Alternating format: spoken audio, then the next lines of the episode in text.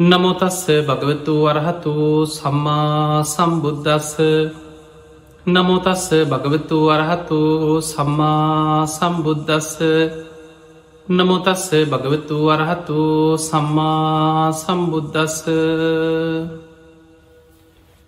හැම දෙනාටම තෙරවත්සන්න ප්‍රාර්ථනා කරමින් අදත් ඔබ හැම දෙනෙක්ම ඔබේ ජීවිතයට ඉතාම වැදගත් ධර්මකාරණා රැසක් ශ්‍රවණය කරන්නයි මේ ධර්මශ්‍රවනයත් එක් ඔබ සූදානන් වෙන්. පිංහතුනේ අපි දන්නවා මේ බුද්ධ ශාසනය තුළ මතක ශක්තියෙන් ධාරණ ශක්තියෙන් අග්‍රම කෙනා තමයි ආනන්ද හාමුදුරු ආනන්ද මහරහතන් වහන්සේ. ආනන්දයන් වහන්සේ සසරේ කල්ප ලක්ස ගනම් පෙරුම් පුරාගෙනාපු මහා පින්වන්ත කෙනෙ. බුදුරජාණන් වහන්සේගේ දේශනා සියල්ල එක පාරක් ඇසූ සැනින්. ඒ මුළු දේශනාව මතක හිටිනවා දහරණය වෙනවා. ආනන්ද හාමුදුරුව තමයි මේ අසූහාර දහසක ධර්මස් කන්දේම කටපාඩමින් දරාගෙන ධාරණය කරගෙන හිටපු කෙනා. එනි සාපි උන්වහන්සේව හඳුන්වනවා ධර්ම බාණ්ඩාගාරිකයන් වහසේ ධර්ම බාණ්ඩාගාරයක්. ඒවගේම උන්වහන්සේට තව අග්‍රස්ථාන කේපයක් තිබ්බා. සතිමන්තානම් සිහිනුවන තියෙන භික්‍ෂූන් වහන්සේලා අතරින් අග්‍රයි. දුතිමන්තාන යමක් ෂණයෙන් වටහාගන්න භික්‍ෂූන් වහන්සේලා අතරින් අග්‍රයි. මතක ශක්තියෙන් අග්‍රයි. දැ බලන්නේ අග්‍රස්ථාන කීපය ගැනම විමසල බලන්න ඔබ. මතක ශක්තිය ධාරණ ශක්තියෙන් අග්‍රයි සිහිනුවනින් යුක්ත භික්‍ෂූන් වහන්සේලා අතරින් අග්‍රයි. එමනම් අපිට පේනවා මතක ශක්තිය ධාරණ ශක්තිය ඇතිවෙන්න නම් සිහිනුවන කියන එක ඉතාම වැදගත්වෙනවා. මේ සිහි කල්පනාව සිහිනුවන ධාරණ ශක්තිය ඉස්මරණ ශක්තිය මතක ශක්තිය ආනන්ද හාමුදුරුවන්ගේ තේරගාථාව සඳහන් වෙනවා මේ තේර තේරී ගාථා කියල කැනෙ තේරගාථා කියන්නේ මහරහත්තන් වහන්සේලාගේ උදානවාක්‍ය තේරී ගාථා කියල කියැනෙ රහත් භික්‍ෂුණීන් වහන්සේලාගේ උදාන වාක්‍ය. ආනන්ද මහරහතන් වහන්සේ පිරිනිවන් පාන්න පෙර. උදාන ගාථා කීපයක් දේශනා කළ පිරිනිවන් පෑව. එහි සඳහන් වෙනවා මම දරාගෙනඉන්න සම්පූර්ණ ධර්මස්කන්දය අසූහාර දහසක්. බුදුරජාණන් වහන්සකින් අහළමං අසූ දෙදහසක ධර්මස්කන්දයක් ධාරණය කරගත්ත. මහරහතන් වහන්සේලාගේ ශ්‍රාවක දේශනා හැටියට දෙදහසක ධර්මස්කන්දයක් මන් දරාගෙනන්න. මන් දරාගෙනන්න සම්පූර්ණ ධර්මස්කන්දය අසූහාර දහසක් කියල සඳහන් වෙන. ඒමනම් අපිට පේනව බුදු හාමුදුරුව බුද්ධත්වයට පත්වෙලා අවුරුදු හතරිස් පහක් වැඩයිදල පිරිනිවන් පෑව. ආනන්ද හාමුදුරුව අග්‍ර උපස්ථායක තනතුර ලබද්දේ. බුදුරජාණන් වහන්සකින් ඉල්ලී මක් කරා. ස්වාමිනි ඔබහන්සේ මම නැති තැන පවා යම් ධර්මයක් දේශනා කරොත් ආයමත් ඒ ධර්ම කාරණා මා ඉදිරියේ දේශනා කරන සේක්වා කියල්. එකට හේතුව තමයි ඒ ධර්මය අනාගත පරපුර වෙනුවෙන්. බුදුරජාණන් වහන්සේගේ සියලු බුද්ධ දේශනා කටපාඩවෙන් දරාගෙන අනාගතයට රැගෙන යන්න පෙරුම් පුරාගෙනාපු මහා පින්වන්ත කෙන. එහෙමනං හිතන්න මොනතරම් මතක ශක්තියක් ධාරණ ශක්තියක් යම ඇසූ සැනින් දැන් ඔබ මේ බණහනවා. ඔබ ඕන තරම් බණහල ඇති. පොත් කියෝල ඇති. බණපොත් කියලා හිතන්න වෙන ඕනම පොත. අපිට යම් මතකයක් තියෙන හැබැයි තැන් තැන්වලින් මතක. දැ මේ බණහල ඉවර වුණහම අද මොකක්ද කිවි බණ කියලා කවරු හරි ඇහුවොත් ආද මේ වගේ කරුන් ටිකක් කිව්වේ කියලා මතක්කේ.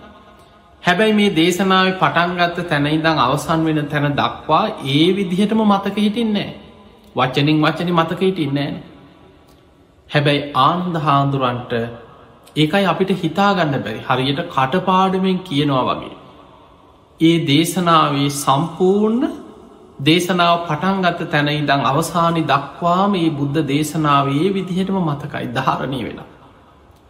පිංහතුනි ඒ කාලේ අදට වඩා මේ මතක ශක්තිය ඉස්මන්න ශක්තිය දියුණු කරන වැඩ පිළිවෙලක් බුද්ධ ශාසනය තුළ තිබුණ. දැන් අදගත්තොත් අපි ඔබ දන්නවා බොහෝ වෙලාවට අද පන්සල කාරන්නේක වේවා ත්‍රිපිටක පොත් වහන්සේලා මේ ඔක්කොම පොත්තොලට අරගෙන ග්‍රන්ථාරූඩ කරලා පොත් වහන්සේලා තුළ තමයි සඳහන් වෙන්නේ අද බොහෝ වෙලාට පොතක් පෙරලලා කරුණු කියෝල මතක තියාගෙන බණක් කිය. උගන්නනකොට පොත්තුල ලියාගන්නවා බලනවා කටපාඩන් කරනවා පොත්තොලින් අපි කරුණු හොයනවා. බුදුරජාණන් වහන්සේ ගැන්වේ මෙන්න මේ ක්‍රමේ. සුතා හොඳට අහන්න ඔන්න මතක ශක්තිය ඇතිවෙන්න ධාරණ ශක්තිය ඇතිවෙන ක්‍රමය. සුතා බණහනකොට හොඳ අවධානින් අහන්න ඕන. මේක බණටම විතරක් නෙමෙයි. ඉගෙන ගන්න දරුවන් ඉස්කෝලෙදි එක්ක පන්තියකද එක ගුරුවරයෙක් උගන්නනකොට ඔබේ විශයට අදාළ ඔබට ඉගෙන ගැනීමට අදාළ දේ තුළ ඔබ සම්පූර්ණ අවධානය යොමු කරන්න දක්ෂ වෙන්නට ඕන සුතා හොඳට කන් යොමු කරගෙන අහනවා. දතා ඒ ඇසූ දේ ධාරණය කරගන්න. ඒ අහන ධර්මය හෝ ඒ අහන දේශනාව හෝ ඒ උගන්නන දේ හෝ සම්පූර්ණයෙන් ධාරණය කරගන්න. වචසා පරිචිත අන්න වැදගත්ම දෙයක්. ඒක නිතර වචනයෙන් පුරුදු කරන්න කියන. කටපාඩන් කරන. හඬනගා සජ්්‍යායනා කර කර වචනයෙන් පුරුදු කරගන්න දක්ෂ වෙන. ඒක තමයි අමතක නොවෙන්න කරන උපක්‍රම. සජ්්‍යහයනා කිරීම. හඬනගා වචනින් සජ්්‍යහයනා කරන. කටපාඩන් කරන වචසා පරිචිතා. ඉළඟට මනසානුපෙක්කිතා නිතර ඒ ඔස්සේ විමසල බලනවා. නිතර නිතර මෙනෙහි කරනවා තමා තුළින් විමසීමස බලනවා. අන්නේ විදිහට ධර්මය ප්‍රගුණ කරනකොට ඒක මතකයේ ධාරණය රැඳෙනවා වගේම දිට්ටියා සුප්පටි විද්ද. එක තමන්ගේ අවබෝධයක් හැටියට සම්මාධිට්ටිය ඇතිවෙලා තමන් තුළ අවබෝධයට නැඹුරු වෙලා එක අවබෝධයක් බවට පත්වෙනවා. ඔන්න ඔය ක්‍රමේ තමයි බුදුරජාණන් වහන්සේ භික්‍ෂූන් වහන්සේලට ගැන්න තැඟු බහල ඇති අපි බුදුරජාණන් වහන්සේ පිරිනිවන් පාලා මාස තුනක් ගේ තැන පළවෙනි ධර්ම සංගායනාව කර. ඒ ධර්ම සංගායනාව අවසන් වෙලා මේක පොත්තොල ලියන්න ඕන කියල සූදානංුත් නෑ. මේක පොත්තොලට ගන්නවත් පිටපත් කරන්නවත් ග්‍රන්ථාරූඩ කරන්න සූදානංුන් නෑ.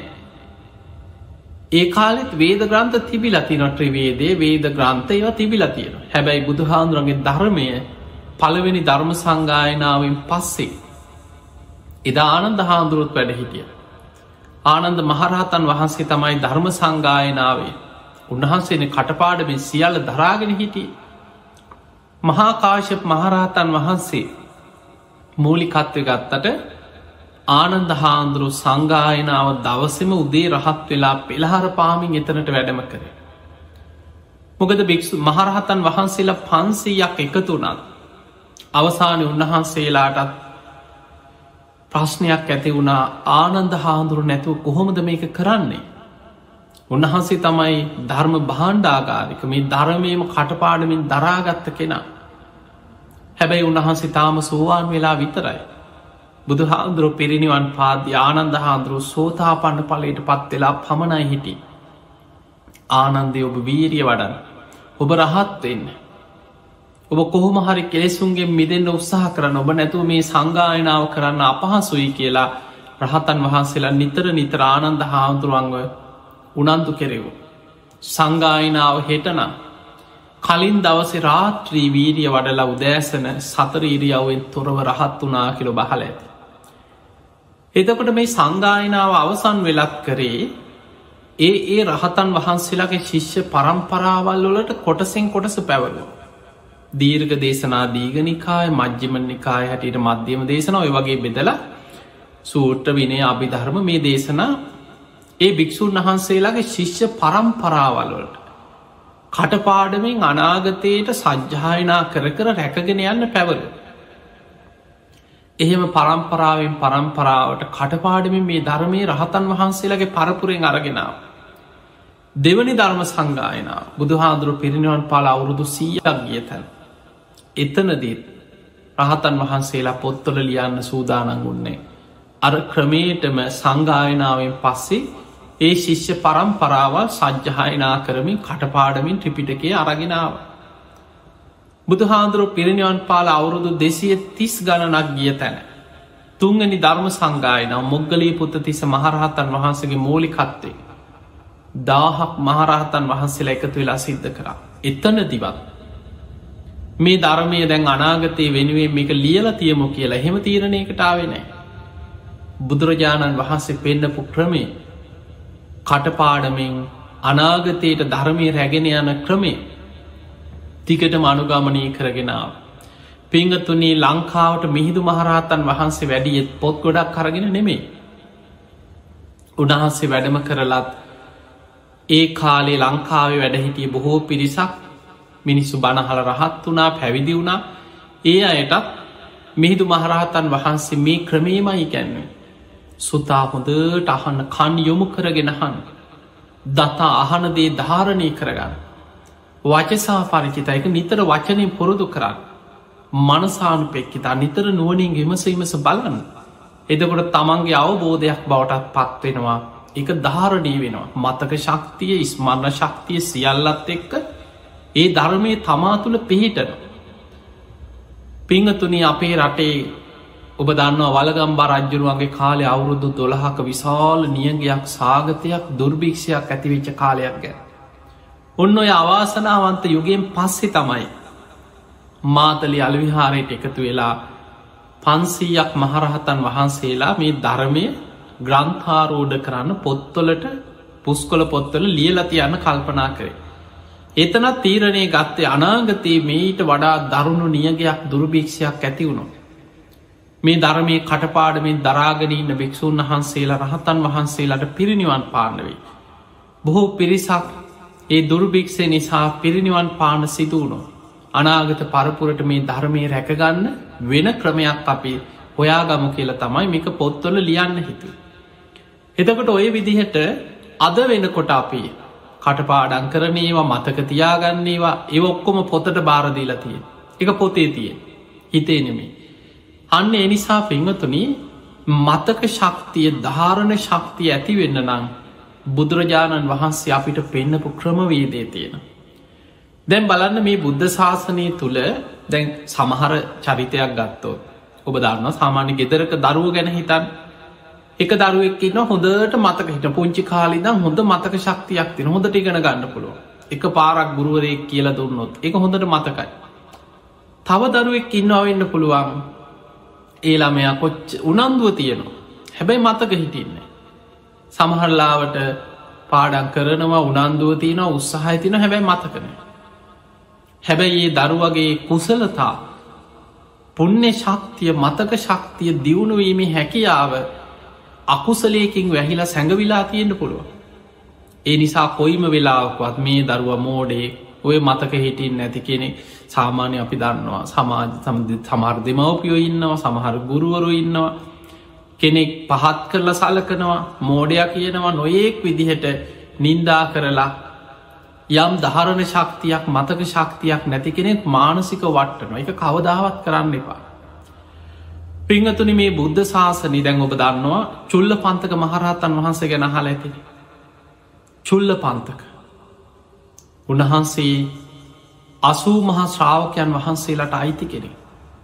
මනෝමය ශරීර මවන භික්‍ෂූන් වහන්සේලා අතරින් අග්‍රස්ථානි ලැබුවේ චුල්ල පන්තක මහරහතන් වහන්සේ හැබැයි උන්වහන්සේට පැවිදි වෙච්ච මුල් කාලේ ආසාාවෙන් නිවන් දකින්න පැවිදි මේ බලෙන්ගෙනල පැවිදි කරන්නෙමේ චුල්ල පන්තක හාන්දුරන්ගේ අයියත් මහා පන්තක උන්වහන්සේ රහත් වුණ මහා පන්තක මහරහත්තන් වහන්සේ.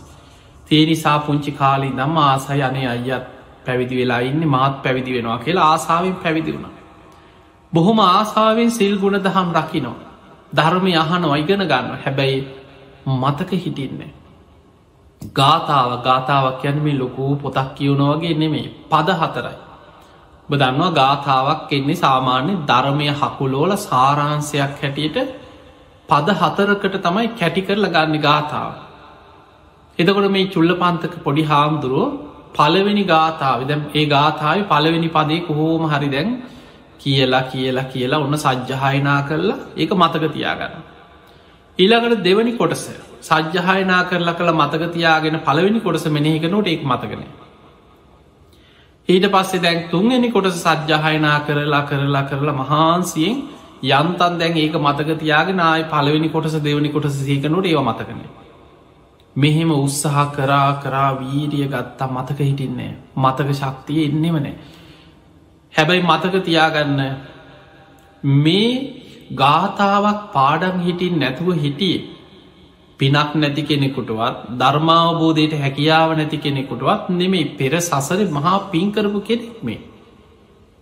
නමුත් යම් කිසි අකුසල විපාක යම් හේතුවකින්ගේ මතක ශක්තිය වැහිල තිබුණ ඒ දවස්වල. මහා පන්තක මහරහත්තන් වහන්සේ අය ළඟට ගිහිකි වනේ ස්වාමීනී මං හරි ආසාාවෙන් පැවිදි වුණේ මං ගොඩාක් උත්සාහ කරනවා මට ගාථාවක්කත් පාඩන් කරගන්න බෑනි. ඉතිං උන්වහන්සේ උපදෙස් දුන්න ඔබ මෙහෙම කරන්න මෙහෙම කරන්න මෙහෙම කරන්න කියලා කියල දෙනවා. කොච්චර උත්සාහ කරත් බෑ. දවසක් මහපන්තක ස්වාමීන් වහන්ස කියනවා මල්ලි මොකක් හරිවාට පින මදී ඇති. වා කොච්චර උත්සාහ ගත්තත් ඔයාට ගාථාවක්කත් පාඩන් කරගන්න බෑ. මේ ධර්මය පරම ගහම් බීරයි ඔබට මේ පුංචි කොටසක් පාඩන් කරගන්න මතකතියාගන්න බැරුව කොහොමද මේ පරම ගහම්බීර උතුම් ධර්මයක් අවබෝධ කරගන්න. ඒ නිසා එක්කො සිවුරු ඇල්ල ගිහිල්ලා ගෙදර ගිහින් දෙමවපියන්ට සලකගෙන පිනත් දහමක් කරගෙන හොඳට ඉන්න කියෝ. පින් කරගන්න. හැබැයි චුල්ල පන්තක හාන්දුරු කීයටවත් ගෙදර යන්න සිවුරු ඇල්ල යන්න කැමතිනේ උන්වහන්සේ පැවිද්දට ආසයි. විශාල දුකක් ඇති වුණ අනේ මං වගේ අවාසනාවන්තේ මට ගාථාවක් පාඩන් හිටින් නෑන කිය. ඇස්වලින් කඳුළු බේරෙනවා. චුල්ල පන්තක පොඩි හාන්දුර එලියට ගිහිල්ල පැත්තකට වෙලා වාඩි වෙලා දුකෙන් කල්පනා කර කර ඉන්නකොට බුදුරජාණන් වහන්සේ එතනින් වඩිනවා. මොකද චුල්ල පන්තක. මෙහෙ එන්න කියලා බුදුරජාණන් වහන්සේ එක්කරගෙන කිය. ඉහි ඇව මේ ඇස්වල කඳුළු මොකද මේ දුකේ. අනේ ස්වාමිනී භාගතුන් වහන්ස මට ගාථාවක්කත් පාඩන් හිටින් නෑකිව. මහා පන්තක ස්වාමීන් වහන්සේ ගොඩාක් මට උපදෙස් දුන්න. බැරිම තැන උන්වහන්සේ කැමතිනම් සිවුරු ඇල්ල යන්න කීවකිව. ගිහිල පිනත් දහමක් කරගන්න කිය. පිංහතුනේ කෙනෙකුගෙත් සංසාරික කුසලතා ධර්මාවබෝධ කිරීමේ කුසලතා හැකියා දකින්නේ බුදුරජාණන් වහන්සේලා එක මහා පුදුම දක්ෂතාව. ඒ හැකියාවට කෙනවා ඉන්ද්‍රිය පරෝ පරියත්තේ ඥානය සසර ඉන්ද්‍රිය ධර්මයන් දැකීමේ නුවන බුදුරජාණන් වහන්සේ බුදුවැසින් දැක්කා මේ චුල්ල පන්තක මෙහෙම හිටියට රහත්වවෙන්න පින තියෙනවා. මනෝමේ ශරීර මවන භික්‍ෂූන් අතර අග්‍රස්ථානය ලබනවා මහා බල සම්පන්න කෙනෙක් සසර පින් කරපු කල්ප ලක්ෂයක් පින් කර. නමුත් උන්වහන්සේගේ මේ මතකය මතු කරලා ගන්න ලොකු දෙයක් නෙමේ පුංචි උපක්‍රමයක් දුන්නේ. රෙදි කඩක් අරගෙන ඒ රෙදි කඩ පිරී සිදු රෙදි කඩක්. පෙර සංසාරි රජ කෙනෙක් හැටියට හිටපු කාලේ බොහොම ලස්සනට ඇඳල පැළඳලා ඉන්න කැමති මේ රජ්ජුරුවන්ගේ රාජකයේ සලු පිළි කිලුටු වෙලා.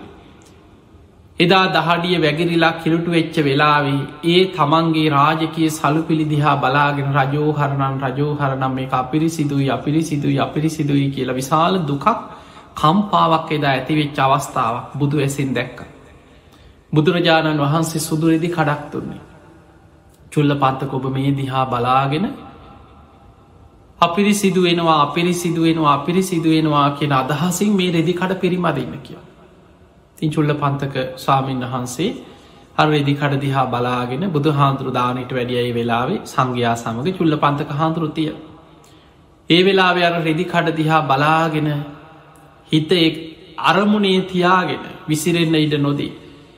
අපිරි සිදුවෙනවා අපිරි සිදුවෙනවා අපිරි සිදුවෙනවා කියලා හොඳට සිහිකරගෙන මෙනෙහි කරගෙන පිරිමදිමින් යනකොට එහෙමම අර රෙදි කඩ අපිරි සිදුවෙනවත් එක්කම කයේ අතහස භාවය අවබෝධ වුණා. යෝනිසෝ මනසිකාරයේ තමන් තුළින් ධර්මාවබෝධය පිණිස බලවත් වුණ. ටික වෙලාවක හිත කෙලෙසුන්ගේ මිදිල රහත් වුණ සංසාර පින මතු වෙලා ඒ නිසා පිංගතුනි සමහර කෙනෙකුට දැම් බලන චුල්ල එක ගාථාවක් පාඩන් හිටපු නැති කෙනයි. අසූ මහා ශ්‍රාවක භික්‍ෂූන් වහන්සේ අතර මනෝමේ ශරීර මවුන භික්‍ෂූන් අතර අග්‍රස්ථානය ලැබ. සමහරය දැන් සාමාන්‍ය සමාජය ගත්තහම අපිට පේනවා. එක්කෝ පුංචි කාලි සමහර දරුව ඉන්න පොඩි කාලි ඉගෙන ගන්න එච්චර උනන්දුවක් නෑ. එක්කො අපි සාමාන්‍ය ලංකාවික විදිහට ගත්තොත්. එක්කෝ ඔන්න ශීෂත්ව විභාග පේ අඩුම ලකුණු කියලා හිතා ශිෂ්ෂත්ත පේල්ලුනා කළ ඒ දරුවගේ අනාගතයම අඳුරුවෙන්නේ ශිෂ්ෂත්ත පේල් වෙච්ච විශාල පිරිසක් ඉන්න උපාධධාරී මහාචාරවරු වෙච්චාය රටේ ඉහලටම ගියයි. අපි තම ඒ දරුව දැන් ඉගෙනගෙන කොහොමහර යනකොට සාමාන්‍ය පෙළ මට්ටමෙට ලොකු නන්දුවක් නෑකෙල් සමහර දරුව ඉන්න පලවෙනි පාර විෂයන් ගොඩක් පේල්. දෙවනි පාර තුන්ගනි පාර ගොඩක් උත්සාහ කල ඕන සාමාන්‍ය පෙළ පාස් කරගන්න. හැබැයි උසස් පෙළ හිතාගන්න බැරි විදිහට තමන් හොඳ ප්‍රතිඵලගන්න. එක්ක විශ්වවිද්‍යාල ඉහලටම යන. ඒ වගේ එක එක්කෙනගේ අධ්‍යාපන මට්ට ඒ සමහරයි නො ස්කෝල යන කාලි කිසි දෙකට උනන්දුවක් නෑ දක්ෂකමක් නෑ හැකියාවක් නෑ. හැබැයි සමහරු අවුරුදු විස්ස තිය පාසල් අධ්‍යාපනයක් තිවර වෙලා අවුරුදු ගානක් ගිහිල්ල හිතනවා මං ඉගෙන ගන්න. කොහමාරි ඉගෙන ගන්න යොමු වෙනවා. ඉගෙන ගන්න යොමු වෙලා මොනවා හරි තමන්ට හිත පිහිටපු අන්සකින් තමන් ඉහලටම දියුණුවෙන්. ඒ වගේ මහා පුදුම චරිත මේ ලෝක අපිට හම්බෙනවා. ඒ නිසා පිංහතුන ඒ ඒ පුද්ගලයන්ගේ හැකියාව මතක ශක්තිය ධාරණ ශක්තිය දැ සමහරයින්නවා සා ශිෂ්ෂත්ව විභාගට ඉහළම ලකුණු ගන්න ළම එකෝලෙවල් පේල් ශිෂ්ෂත්තෙත් පාස් වෙලා සාමාන්‍ය පෙළ ඉහලටම ගත්ත ලකුණු ගත්ත ළමයි උසස් පෙළට යනකොට පේල් වෙන විශ්වවිද්‍යාලයට ගියාට පසෙක්ක වෙනත් පැතිවලට යොමු වෙලා සමහරලාට මේ හැම විශයකින්ම හොඳටම පහස් වෙලා විශ්වවිද්‍යාල ඉහලින්ම යන දරුව. එහ ගිහිල් එක්කො දේශපාලනයට අහුවෙනවා මොනවහරි වැරදි වැඩවලට අහුවෙනවා පාපමිත්‍රයන්ට අහුවෙනවා නොමග යනවා. උපාධයක් නැතුව අන්තිමට නොයෙක් විදිහට ජීවිතය විනාස වෙලාන්න ඒ නිසා පිංහතුනී එක කෙනාගේ හැකියා කුසලතා මතුවෙන ආකාරය පෙර පිනේ ස්වභාවේ නොෙක් වෙනස් කන්තිය. දැන් අපි බලමු මේ මතකය මතක ශක්තිය කොහොමද කෙනෙක් ඇති කරගන්න. කොහෙත මතකේ රැඳෙන්නේ දැන් බලමු පිංහතුනි අපේ මේ ඇහැට පේන රූප ඔස්සේ අපි අරමුණු ගන්න. කනට ඇහෙන සබ්ද ඔස්සේ අපි අරමුණු ගන්න. නාසේට දැනෙන ගඳ සුවද ඔස්සේ අපි යම් අරමුණු ගන්න. දිවට දැනෙන රස ඔස්සේ අරමුණු ගන්න කයට දැනෙන පහස ඔස්සේ අරමුණු ගන්න. රූප සබ්ද ගන්ධ රස පහස. මෙන්න මේ පංච කාම අරමුණු ඔස්සේ තමයි අපි මේවා ඔස්සේ තමයි බාහිර ලෝකෙ තියෙන දේවල් අපි අරගෙන මනසෙන්ගේ වහිතලා ප්‍රපංච හැටියට ගොඩ නගනවා හිතෙන් ඒව ධාරණය කරගන්න හිතෙන් විමස විමස් පල දවසක් උන්නාභ කියල බමුණෙක්. මෙන්න මේ දේශනාය ඔබට හොඳට තේරුම් ගන්න පුළුවන් මේ මනසේ තියෙන ස්වභාවේ ගැන. උන්නාභ කියල බමුණෙක් බුදුරජාණන් වහන්සගෙන් අහනවා සාමිනී භාකතුන් වහන්ස එකිනෙකට වෙන වෙනම ගෝචර විෂයන් ඇති පංච ඉන්ද්‍රියන්ට පිළිසරණ මොකක්ද කියලා ඔන්න දැම් ප්‍රශ්නය මතක තියාගන්න. එකිනෙකට වෙන වෙනම ගෝචර විෂයන් නැති පංච ඉන්ද්‍රියන්ට පිළිසරණ මොකක්ද එකිනෙකට වෙන වෙනම ගෝචර විෂයන්තියන පංච ඉන්ද්‍රිය. මොනවදේ ඇහැට ගෝචර වෙන්න රූප. කනට ගෝචර වෙන්නේ සබ්ද නාසේට ගෝචර වෙන්න ගඳ සුවද දිවට ගෝචර වෙන්නේ රස. කයට ගෝචර වෙන්න පහස මනසට අරමුණ. එතකොට එකිනෙකට වෙන වෙනම ගෝචර විෂයන් තින දැන් ඇහෙන් රූප විතරණ ඇහැට සබ් දැහෙන්නෙත් නෑ ඇහැට රස දැනෙන්නෙත් නෑ ඇහැට ගඳ සූද දැනෙන්නෙත් නැහෙන් පේන රූප විතරයි. කනින් රූප පේනවාද නෑ. කනට සබ්ද විතරමයි. නාසේට ගඳ සුවද දැනෙන. රූප පේන්නේ සද්දැහෙන්නෙත් නෑ නාසේට දිවට රස විතර එතවට මේ පංච ඉන්ද්‍රියයි මෙයොතයි බාහිරට විවෘත්ත වෙලා තියෙන ඇස කන නාසය දිව සරීරය මේ පංච ඉන්ද්‍රියන්ට පිළිසරණමකක්ද කියලාහන් අන්න බුදුරජාණන් වහන්සේ වදාළ බ්‍රාහ්මණය එකිනෙකට වෙන වෙනම ගෝචර විෂයන් නැති පංච ඉන්ද්‍රියන්ගේ පිළිසරණ මනසයි කියලා කිව ඔන්න දැන් තේරුම් ගන්න මනස කියලා ආයතනයක් තියෙනවා අපිට. ආයතන හය ගැන කතා කරනකොට මනසත් වෙනම ආයතනයක් හැටියට විස්තර වෙන. ඇස කන නාසය දිව ශරීරය මනස. පංච ඉන්ද්‍රියන් හැටියට කතා කරනකොට එතන කතා කරන්නේ ඇස කන නාසේ දිව සරී. මේ පහෙම්ම ගන්න අරමුණෝ අනුභව කරන්නේ මනසයි කියල බුදු හාන්දුර පෙන්. දැන් ඔබ ඕක තේරුම් ගන්නක. අපේ මනසේ යමක් තියෙනවනං ඇහැට දැකපු රූපයක් ඔස්සේ ඔන්න ගත්ත අරමුණක් මනස අනුභව කරගන්න. කනට අහපු සබ්දයක් ඔස්සේ ගත් අරමුණක් මනස අනුභව කරන. නාසේට දැනෙන ගඳ සුවද ඔස්සේ ගත් අරමුණු මනස අනුභව කරන. දිවට දැනෙන රසේ ඔස්සේ ගත් අරමුණු මනස අනුභව කරන. කයිට දැනෙන පහස ඔස්සේ ගත් අරමුණු මනස අනුභව කරන. එතකොට එකිනෙකට වෙන වෙනම ගෝචර විෂයන් නැති පංච ඉන්ද්‍රියන්ගෙන්ම ගන්න අරමුණු අනුභව කරන්නේ මනස. තැයි නිසාන අපිට ඇහෙන් දැකපු දෙයක් අවුරුදු ගානකට පස්සේ හරි මතක්කෙන් නැද්ද ආ මං මේක දැකලා තියෙනවානේ. මං මේක ඒ කාලෙ මෙයා මේ වගේ නෙමේ. ඉස්සර මෙතන මෙහි විදිහට තිබුණේ. හන්න දැකපු ගමන් ඉස්සර දැකපු දේ දැන් දකිනදේ වෙනස ඒ කාලිමික මේ වගේ මෙයා ඉස්සරහරි මහතයි මෙයා ඉස්සරහරි ලස්සනයි. ඉස්සර මෙතන ගෙයක් තිබ්බා. දැන් මෙතන දියුණු වෙලාන මේ ලොකු ගොඩ නැගිල්ලක් හදර. එතකොට ඒ වගේ ඉස්සර දේවල් දැන් දකින දේවල් එනම් ඇහෙන් දැකපු ඔක්කොම මනසේ තැම්පත් වෙලා තියෙන. මනසේ අනුභව කරලා තින එකයි අපිට නැවත නැවත සිහි කරන්න පුරුව. කනෙන් අහපු දේවල් මනසෙ තැම්පත්වෙන නිසා තමයි එදා මෙයා කිව ඔය කතාව නෙමේ දැන් අද කියන්න මෙහෙමනි. ඉස්සර මෙයා මෙන්න මේ විදිහට කීවේ ඔය කාලි පරණ සිින්දුවක් ඉස්සර මං ඕක මේ විදියට එතකොට අපිට සද්ධයක් ඇහෙනකොට හඬක් ඇහෙනකොට කෙනෙක්ගේ වචනයක් ඇහෙනකොට මේ අසවලා ඒ මේක මෙහෙමයි මෙහෙම මේ ඔක්කොම අපිට තේරුම් ගන්න පුළුවන් වෙන්නේ අහන දේවල් සියල්ල මනසෙ තැම්පත්වෙන. නාසේට දැනෙන ගඳ සුවද මනසේ තැම්පත්වෙන දැනිච්ච ගමන් දන්නවා මේ සුවද අසවල් සුවද. මේක මේ වගේ ඔන්න මෙහෙම සුවදක්ගෙන එතකොට ඔක්කොම කලින් දැනිච්ච දේවල් මනස තියෙනවා. දිවට දැනිච්ච රස කායට දැනිත් ඔයොක්කොම හෙමයි. පංච ඉන්ද්‍රියන්ගෙන්ම ගන්න හරමුණු අනුභව කරන්නේ මනස ඉවොක්කොම් මනසේ තියෙනවා. ඊළඟට බුදු හාමුදුරන්ගෙන් මේ බමු නහනො සාමිනි භාකතුන් වහස එහෙමනං ඔය තරං වැදගත් ඇහැට පේන කනට ඇහෙන නාසේට දැනෙන දිවට දැනෙන කයට දැනෙන මේ පංච ඉන්ද්‍රියන්ගෙන්ම ගන්න අරමුණු අනුභව කරන මනසට තියෙන රැකවරණය මොකක්ද කියලා හන.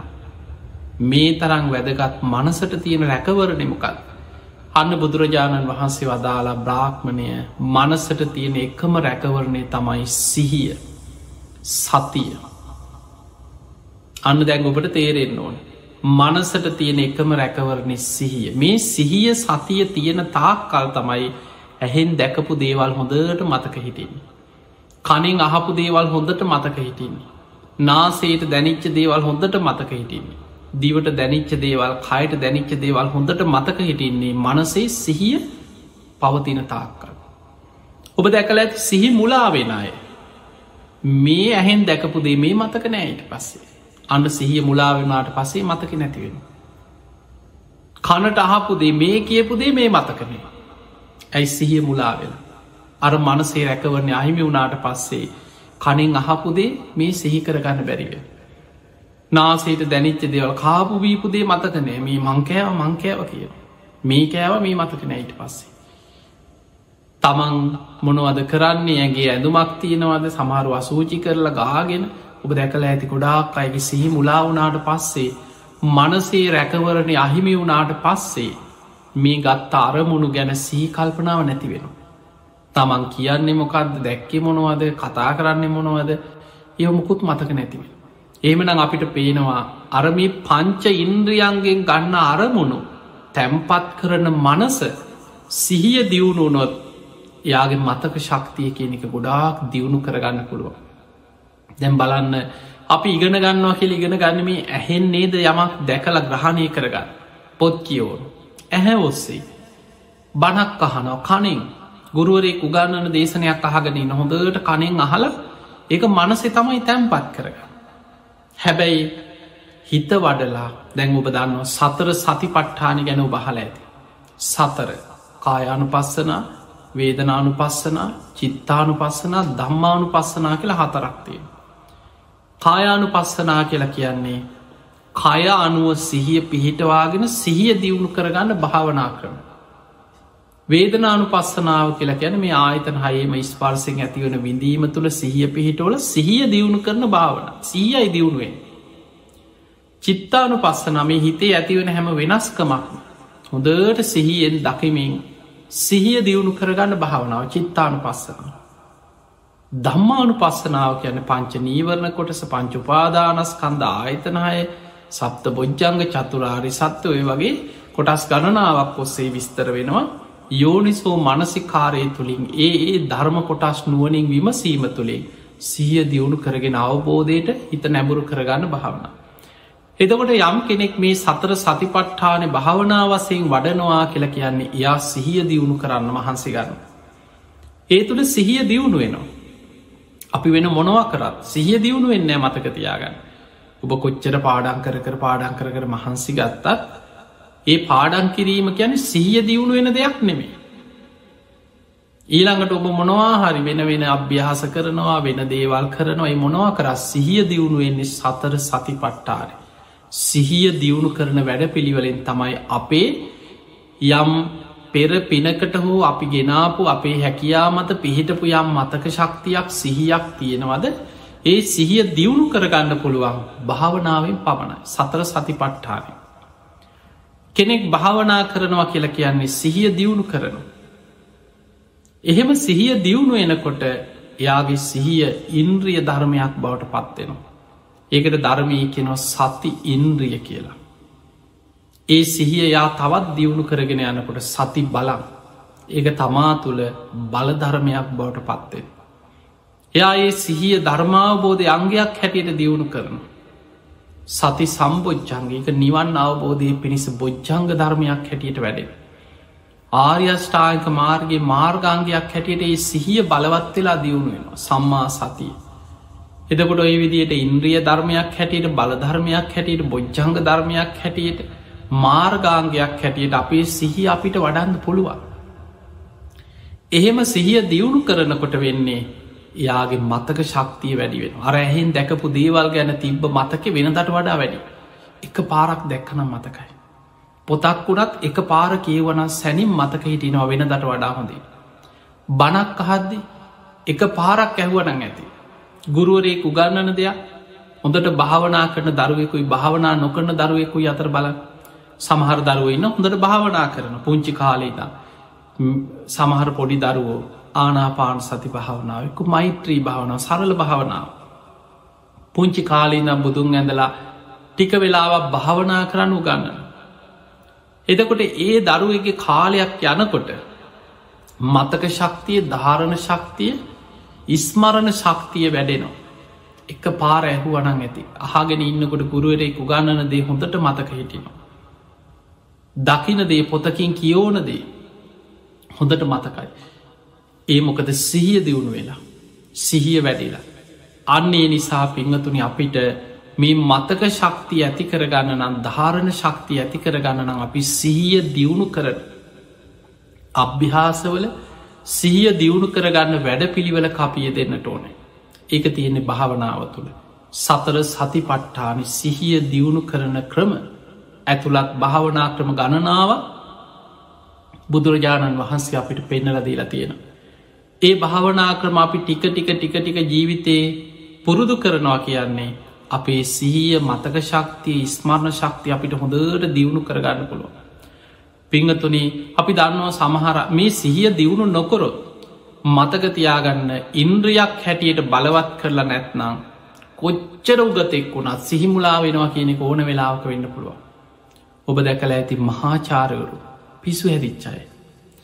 ජීවිතය අවසාන කාලේ කල්පනාව නැතු අසෝචිකර ලැගේ ගාගෙන කියවල දොඩවල කෑවද බීවද මතකයක් නෑගේ ඇදුමක් නැතුව ඉන්න මහා උගත්තු උපාධිධාරී රටේ ඉහළ තනතුරු දරපුයි මහා ශේෂ්ඨයි කියපු පුද්ගලයෝ ඒ අයගේ දියුණු කරපු නැති මනස සැනින් පිරිහෙන්න පුළ එක රැයින් එක කම්පනයකින සමහරලාවට ලොකු දුකක් ඇතිවෙන විශාල ශෝකයක් පීඩනයක් බයක් තැති ගැනීමක් සමහරුන්ට ඒ බය තැති ගැන්මම කල්පනාව නැති වෙන.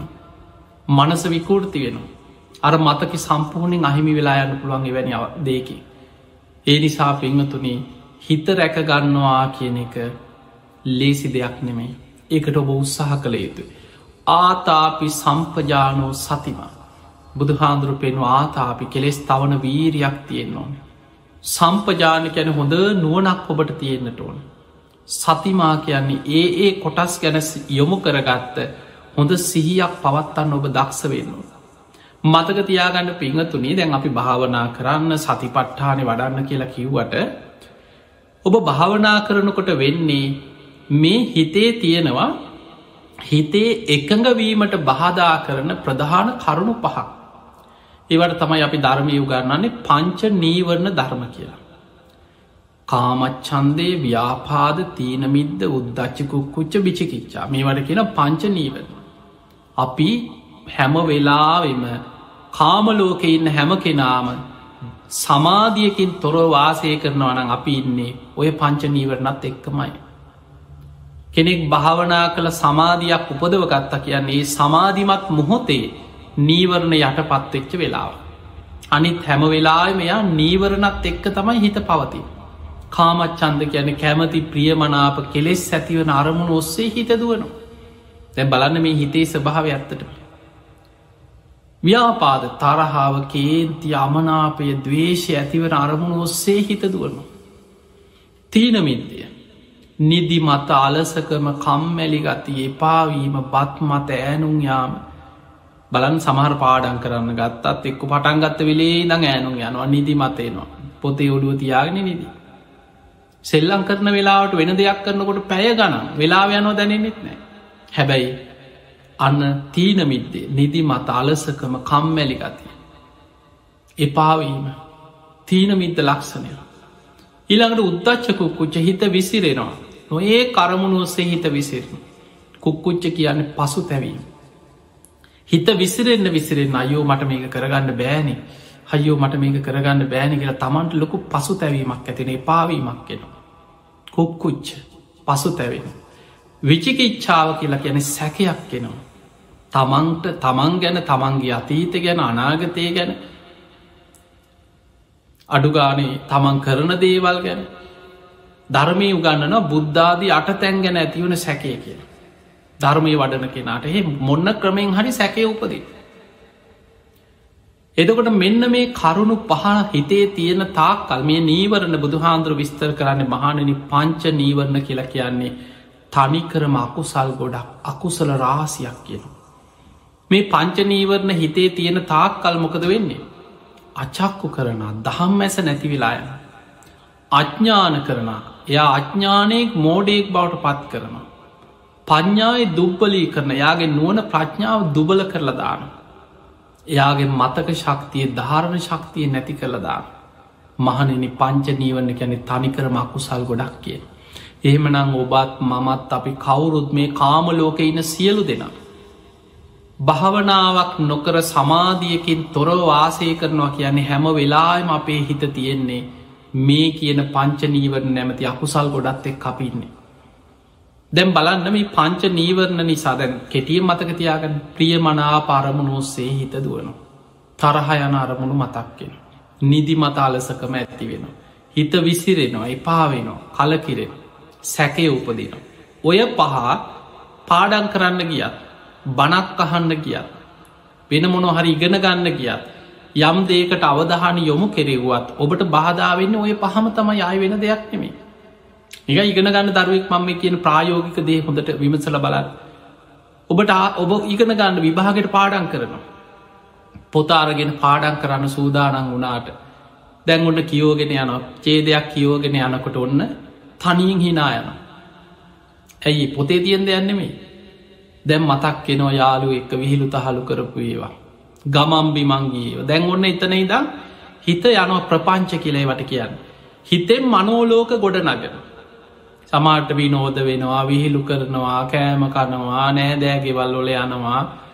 ඒ අතට දැන් ඔහොම යනෝ සිහින ලෝකසැයි සමහරු ගෙවල් හිතෙන් ගෙවල් හදනවා වාහන ගන්නවා දියුණු වෙනවා අසාද බදිනවා දරූහම් පෙනවා දැන් ඔය කෝම කරනකොට හම්මතක් කෙනවා මං මේ පාඩන් කරනවන මොනවද මං මේ හිතන් ආයෙත් ඔන්න අරමුණට හිතගෙන දැන් ඔන්න ආඊළඟ චේද කියෝගෙන පොත බලාගෙන පාඩන් කරගෙන යනකොට ඔන්න තරහකාරයෙක් මතක්ගෙන කවරු හරි ස්කෝලෙදි හරි කො විහිලුවක් කරපු එක කවරු හරි හින් පාස් කරලා බැනලා කේන්ති අවස්සල කවුරු හරි ඔබට ගහල මොනවහරි ඔබට කරපු හතුරුකමක් මොනවහරි නපුරුකමක් මතක්කෙන්. දැන් හිත ඇතුළෙන් ඔහු ගැන ඊට පස්සේ බනින් හිතෙන් බනිනවා. හිතෙන් ඔහුගේ විනාසේ ප්‍රාර්ථනා කරනවා. මූටනං හොදක් වෙන්නේ පමට මූ මෙහෙම කරා මෙහෙම කරා. මං කොහොමහරිෝකගෙන් පලිගන්නවා දැන් ඔය වගේ හිත සැබෑ ජීවිතය කරන්න බැරි දෙයක් වේවා. හිතෙන් ඒක හිත හිතා ප්‍රපංච. මනසිං අර දේශ සහගත අරමුණ ඔස්සේ දැන්දුවනවා දැම් මේ පාඩන් කර කර හිටිය. දැන් හිත යන්නේ ව්‍යාපාද නීවරණය ඔස්සේ. ඔහොම ටික වෙලාවක් යනකොට එක් අම්ම හරි ඇවිලගෙන මොන දැ පාඩන් කරනවදය කිය ලහන ඊට පස්සේ ආමතක්කෙනවා දැම් පොත දිගෑරගෙන ඉන්නවා. පැයක් කිතර එක පිටුවක් අත් පෙරලෙන්නෑ හිත තියෙන වෙන වෙන ලෝකවල. දැන් ආයක හොමරි නෑම පාඩන් කරනවා කියලා ඔන්න අයක මුණ හෝදගෙන විල්ලා දැන් හිතට අධිෂ්ඨානය අරගෙන කොහොමහරි බං අද මේටික ඉවර කරගන්න ඕන කියලායි පටන්ගන්න ආයි ටික වෙලාවක් යනකොට හිත විසිරෙනවා පසු තැවෙනවා එපා වෙනවා. නිදිමතේනවා ෑනුම් යනවා. දැම් බලන්න මේ හැම්ම දෙයක් තුළම ඔබ යම් අරමුණක් ඔස්සේ හිත පුරුදු කරන්න මතකතියාගන්න ධාරණය කරගන්න ඉගෙන ගන්න උත්සාහ කරනකොට ඔබට බාධ කරන්න වෙන කිසි දෙයක් නෙවෙයි. හර පංච නීවරණමයි. මෙන්න මේ පංච නීවරණ හිත තුළ අයෝනිසෝ මනසිකාරය කියන්නේ පංච නීවරණ වැඩෙන දෙයක්. අපි ඒ ඔස්සේ හිත දුවන්න ඉඩ දෙනවා කියන්නේ නීවරණ වැඩෙනවා පෝෂණය වෙනවා. හිත අකුසලයක් ඔස්සේ වැඩෙනවා වර්ධනය වෙන ඒ තුළ මොකද වෙන්නේ මතක ශක්තිය ධාරණ ශක්තිය ඉස්මන්න ශක්තිය අඩුවෙලා අඩු වෙලා නැති වෙලායන. අපේ මතක ශක්තිය දියුණු කරගන්න ඉස්මන්න ශක්තිය දියුණු කරගන්න ඕන්නන් මෙන්න මේ පංච නීවරණ ඔස්සේ හිත දුවනේ අපි පාලනය කරන්න. හිත අපි යම් අරමුණක තියාගෙන ඉගෙන ගන්න වෙලාවට එක්ක බණක් අහන වෙලාවට ගුරුවරයෙකු ගන්නන දෙයක් අහන වෙලාවට අපි යම් වෙන වැදගත් කාරයකේ දෙන වෙලාවට හිත වෙන අරමුණ ඔස්සේ දුවන එක නවත්ත ගන්න ඕන. එහෙම නවත්ත ගන්න නම් හිත එකඟ කරගන්න උත්සාහ ගන්න ඒකට තමයි භාවනාවතිී. ඔන්න භාවනාව මොකටද කියලා කවරු හරි ඔබෙන් අහනවනම් ඔන්න ඕකයි භාවනාවෙන් කරන පළවෙනිම උත්සාහය සමත භාවනාව තියෙන හිත එකඟ කර. පංච නීවරණ ඔස්සේ දුවන හිත කුසල අරමුණක් තුළ හිත එකඟ කරලා නීවරණ යටපත් කරලා හිත දියුණු කරගන්න ගන්න උත්සාහය තමයි භාවනාවෙන් කෙරේ. අපි සතර සති පට්ඨානය කියන්නේ කුසල අරමුණු ගොඩා. ධර්මාවබෝධයටත් උපකාර වෙන කුසල අරමුණු ගොඩා සති පට්ඨාන. කෙනෙක් කන්නේ කුසල අරමුණු තුළ හිත පවත්වලා කුසල අරමුණ තුළ හිත පුරුදු කරන්න උත්සාහ ගන්න.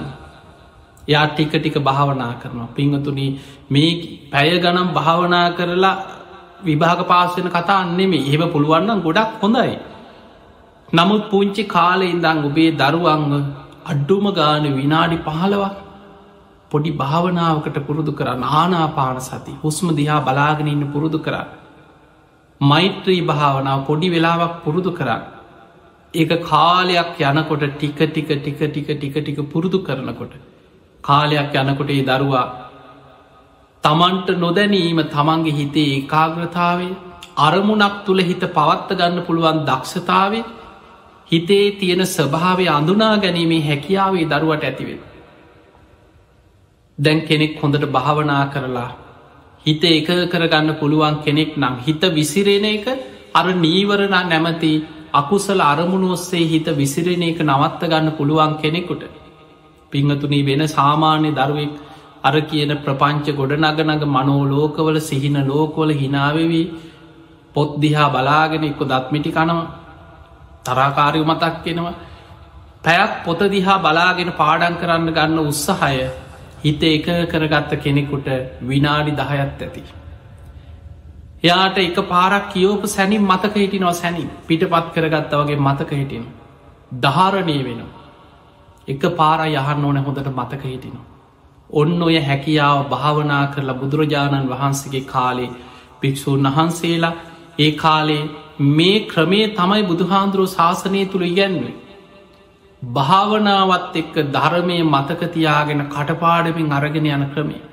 ඒ නිසා මේ පුංචි පොතක් පිටු කීපයක් නෙමේ යෙදා අසූහාර දහසක ධර්මස් කන්දේම කටපාඩමින් දරාගන්න පුළුවන්කම ලැබුණ. අද අපිට හිතාගන්න බැරි මහවිශාල මතක ශක්තියක් ධාරණ ශක්තියක් එදා භාවනාවත් එක්ක ධර්මය ඉගෙන ගත්ත පිරිස තුළ තිබුණ. ඒ නිසා පිංහතුනේ අදත් අපිට සිහිමුලා වෙලා නැත්නම් සිහිකල්පනාව දුරුවල වෙච්ච කෙනෙක් නොවෙයි නම් මේ කියන දේ තේරෙනවන ඔබ උත්සාහ කරන්න හිත එක කරගන්න භාවනාවක. පාඩන් කරන්න කලින් විනාඩි පහළවක් පුංචි භාවනාවක් කරලා හිත අරමුණක එක කරගෙන පාඩන් කරන්න පටන්ගන්න නිදාගන්න ගිහිල්ලා පොඩ්ඩක් භාවනා කල් අර පාඩංකරපු දේවල් අහපු දේවල් ඉගෙනගත්ත දේවල් ආපහු මෙනෙහි කරලා නිදාගන්න පුරුදුවෙන් ඔබටම මාස කීපයක් යනකොට තේරෙයි මොන තරං වේගෙන් ඔබේ මතක ශක්තිය දියුණු වෙනවාද. මොන තරං වේගෙන් ඔබේ ධාරණ ශක්තිය දියුණු වෙනවාද. කොච්චර වේගෙන් ඔබට විභාග පාස් කරගෙන ඉහලට සාමාන්‍ය ලෞකික ජීවිතයේ ලෞකි කරමුණු කරා යන කෙනෙක් නම් ඔබට හොඳ මානසික ශක්තියක් තුළ ඔබේ අරමුණු කරාවට යන්න පුළුව තියනිසා පිංහතුනේ ඉගෙන ගන්න කෙනෙකු රස්සාවල් කරන කෙනෙකුට ජීවිතය හැමදේකට වගේ නිවන කරායන කෙනාට මේ ධරමේ මතකතියාගන්න ධාරණය කරගන්න බුදුරජාණන් වහන්සේ පෙන්වේ මෙන්න මේ ක්‍රමේ අන්නේ නිසා ඒ ක්‍රමේ තුළ හිත දියුණු කරගන්න හිත සකස් කරගන්න ඔබ දක්ෂ වෙන්නට ඕන. ඒ පිණිස භාවනා කරන්න. සතර සති පට්ඨානේ සතර කියන්නේ කායානු පස්සන වේදනානු පස්සන චිත්තානු පස්සනා දම්මානු පස්සන සති ගැන සිහිය පට්ඨානය කියන ඒ තුළ පිහිටවලා හිත දියුණු කර ගැනීම. අන්නේ නිසා පිංහතුනි ටික ටික ඔබ භාවනාවකට යොමුුවෙන් හිත එක කරගන්න පුංචි පුංචි භාවනා කරන. එදිනිදා ජීවිතය තුළ පුරුදු කරන්න ඔබට මානසිකවත් ලොකූ සතුටක් සැහැල්ලුවක් හිත තුළ ප්‍රබෝධමත් ගතියක් දැරී. ඔබට ඉගෙන ගන්න දේවල් එක පාරක් අහපු සැනින් හොඳට මතක තියාගන්න පුළුවන්කම ලැබේ. ඒ නිසා සමහර වෙලාවට ඉගෙන ගන්න බැරි දරුවෙක් මෝඩේ නුවන නැති කෙනෙක් කියලා කියන කෙනා භාවනාවත් එක්ක පටන්ගන් අනෙක් සියලු දෙනාට වඩා හොඳ මතක ශක්තියක් තියෙන කෙනෙක් බවට ටික කාලයක් යැනකොට පත් කරගන්න පුළුවන්. තියේ පිණිස ඔබ හැම දෙනාට බුදුරජාණන් වහන්සේගේ ධර්මයේ සඳහන් වෙන මේ මතක ශක්තිය දියුණු කරගන්න මේ ක්‍රම මේ භාවනා ක්‍රම මේ හැම දෙයක්ම ජීවිතයට එකතු කරගෙන ධාරණ ශක්තිය ඇති කරගෙන මේ ලැබිච්ච මනුස්ස ජීවිතය තුළ මනසෙන් කිසි වැඩකට නැති ප්‍රපංච ගොඩ නඟ නඟ සිහින ලෝකවල හිතේ අකුසල් පොරෝගෙන ජීවත්වෙනවට වඩා හිත පිරිසිදු කරගන්න කුසල් අරමුණක් තුළ හිත දියුණු කරගන්න හිත දමනය කරගන්න හිත ඒක කරගන්න. ඔපට ජීවිතයේ බොහෝ දේවල් ධර්මය තුළ භාවනාව තුළින් සාක්ෂාත් කරගන්න පුළුව. තේ පිණිස ඔව හැම දෙනාටම වාසනාව ලැබේවා ලැබේවා ලැබේවා කියල අපි ආශිර්වාද කරනවා.